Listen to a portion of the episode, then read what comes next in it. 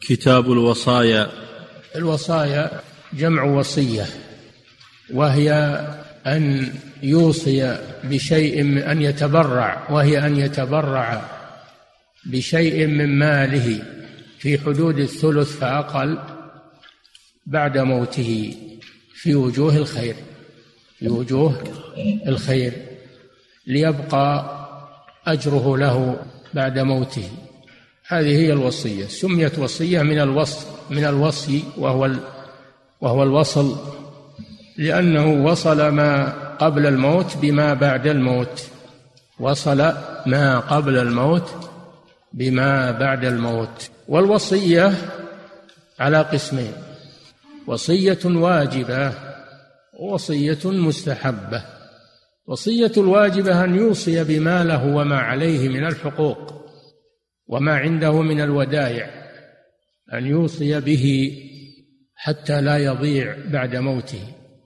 أو إذا سافر إذا أراد السفر السفر عرضة للهلاك عرضة للخطر فيوصي بما عنده وما له وما عليه لئلا يضيع على أصحابه. هذا واجب وهذا هو الذي جاء به الحديث الأول الذي سيأتي. ما حق امرئ مسلم يبيت ليلتين إلا ووصيته مكتوبة عنده. أما الوصية المستحبة فهي أن يتبرع بشيء من ماله بعد موته وهذا له ضوابط تأتي إن شاء الله. هذه مستحبة وليست واجبة. نعم. كتاب الوصايا عن عبد الله بن عمر رضي الله عنهما أن رسول الله صلى الله عليه وسلم قال ما حق امرئ مسلم له شيء يوصي فيه يبيت ليلة أو ليلتين إلا وصيته مكتوبة عنده. زاد مسلم قال ابن عمر فوالله ما مرت علي ليلة منذ سمعت رسول الله صلى الله عليه وسلم يقول ذلك إلا ووصيتي عندي. نعم. في هذا الحديث يقول صلى الله عليه وسلم ما حق امرئ مسلم؟ يعني لا يجوز له ولا يليق به. يبيت ليلتين إلا ووصيته مكتوبة عنده.